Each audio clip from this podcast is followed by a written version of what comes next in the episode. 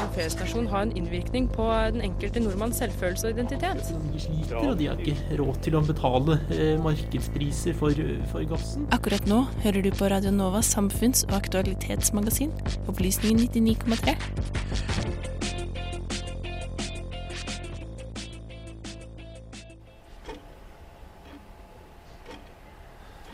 Jeg kjenner det nå. Klokka er fem om natten i gastroavdelingen på Rikshospitalet. Eh, Det er liksom den tida her som er verst. Folk flest ligger hjemme og sover, men sykepleieren Mats Rudihagen har allerede vært på jobb i syv timer. Han er blant de rundt 580 000 som arbeider skift eller turnus i Norge. Øystein Vedå er postdoktor ved Folkehelseinstituttet. Han har skrevet en doktorgrad om hvordan turnusarbeid i helsesektoren forstyrrer søvnen og øker sykefraværet. I hovedsak så har det med at eh, kroppen må være våken og jobbe når den egentlig er innrettet mot å sove. Han forteller at nattarbeid er assosiert med ulike typer kreft, særlig brystkreft og prostatakreft. Det er også økt risiko for hjerte- og karsykdommer, diabetes, overvekt og tarmsykdommer. I tillegg kan det gi økt risiko for angst og depresjon. Søvnmangel og skiftarbeid er jo også assosiert med, en svekka immunforsvar, f.eks. I kveld er Mats på ukens første nattvakt. Vanligvis jobber han tre netter på én uke, og det er først da han kjenner det på kroppen.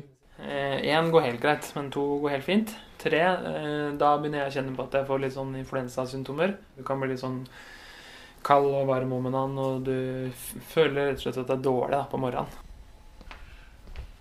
Klokka ti går nattvaktene i gang med kveldens første oppgave. Eh, Nå er vi fem stykker. Og det, nå er det jo 24 pasienter her nå.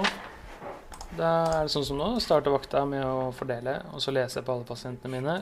Og så etterpå så får jeg en, går jeg og ser i pasientkurve, får en oversikt over hva slags medisiner som skal gis, hva som skal gjøres.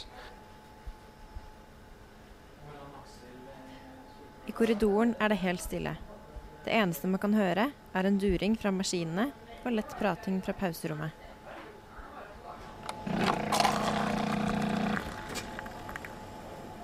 Hvor mange kopper drikker dere på kveldsvakt? Nattvakt?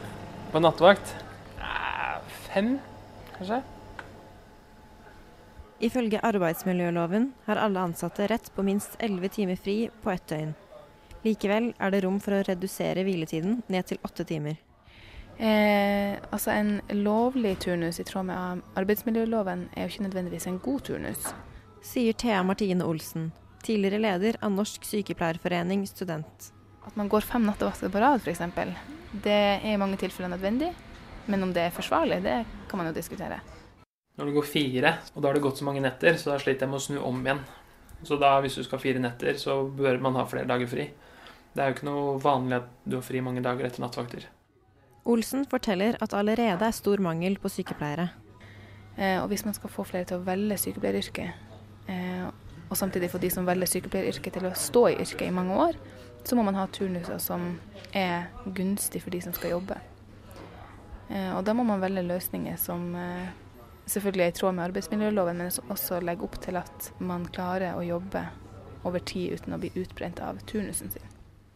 Noen ganger så kan man ha dagvakt òg, da. Dagen etter du går av natt.